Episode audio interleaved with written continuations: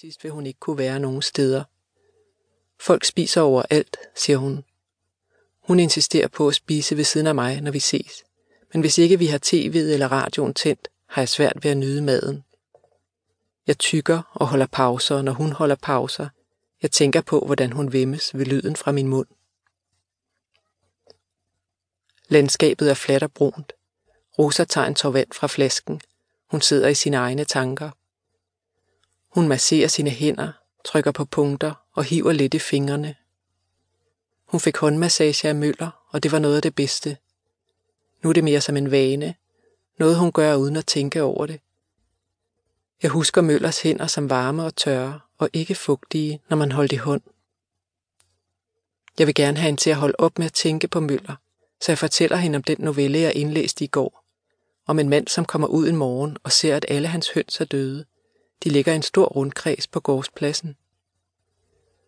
Politiet siger, at nogen har slået dem ihjel og lagt dem sådan i en rundkreds, men manden er sikker på, at det ikke passer. Han har set dem stå i en rundkreds, mens de levede, som om de holdt møde. Det var et fascinerende syn. Han vil skrive til en videnskabsmand og spørge, hvad det kan skyldes, men han kæmper med at formulere brevet på den rigtige måde, så da novellen slutter, har han endnu ikke sendt det.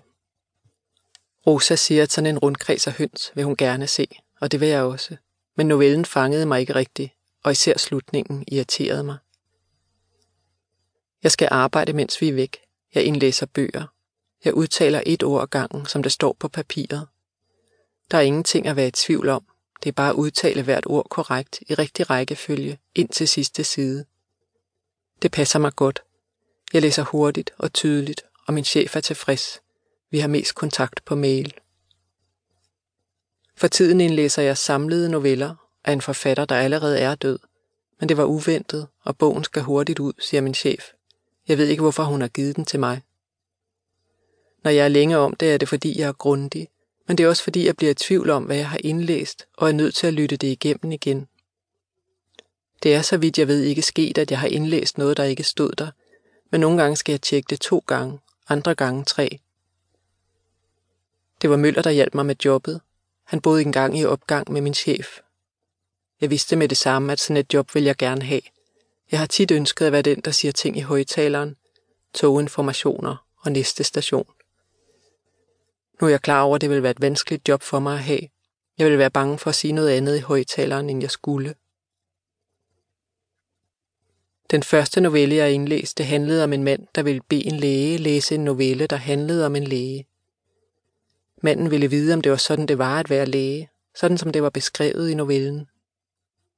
Manden vidste ikke, om han skulle sende novellen med posten, eller om han skulle scanne den ind på computeren og sende den på mail. Han ringede ikke selv til lægen. Han sagde i stedet til en af lægens bekendte, at han ville overveje at kontakte ham. En han regnede med ville sladre til lægen. Det meste af novellen ventede manden på, at lægen skulle ringe. Det irriterede mig, at han ikke bare ringede, men den var godt skrevet.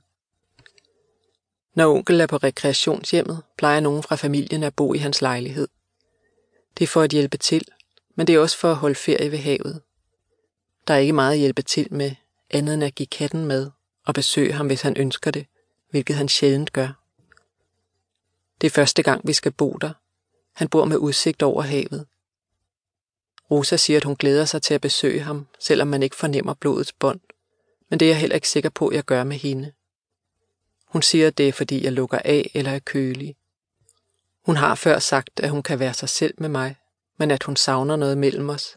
En særlig kontakt, en samhørighed. Hun opfatter det mere som et fætter-kusine-forhold, vi har, og ikke ligesom rigtige tvillinger. Hun tog det i sig igen og sagde, at hun formulerede det forkert. Men det er rigtigt, at jeg mangler det særlige, som forbinder. Det er en varme, jeg ikke har. Jeg har prøvet at sige, at noget ikke er, som det skal være. At jeg har en slags blinde pletter, og at de vokser. Hun sagde, at nej, det passer ikke. Hvor ved du det fra, sagde jeg. Hun sagde, at det ved hun. Hun kender mig. Men åbenbart så alligevel ikke. Vi er i familie med onkel langt ude. Jeg har fået fortalt, hvordan men sådan noget er svært at huske. Han boede tit i kælderen i vores hus, og jeg synes, vi havde et særligt bånd, selvom vi ikke talte sammen.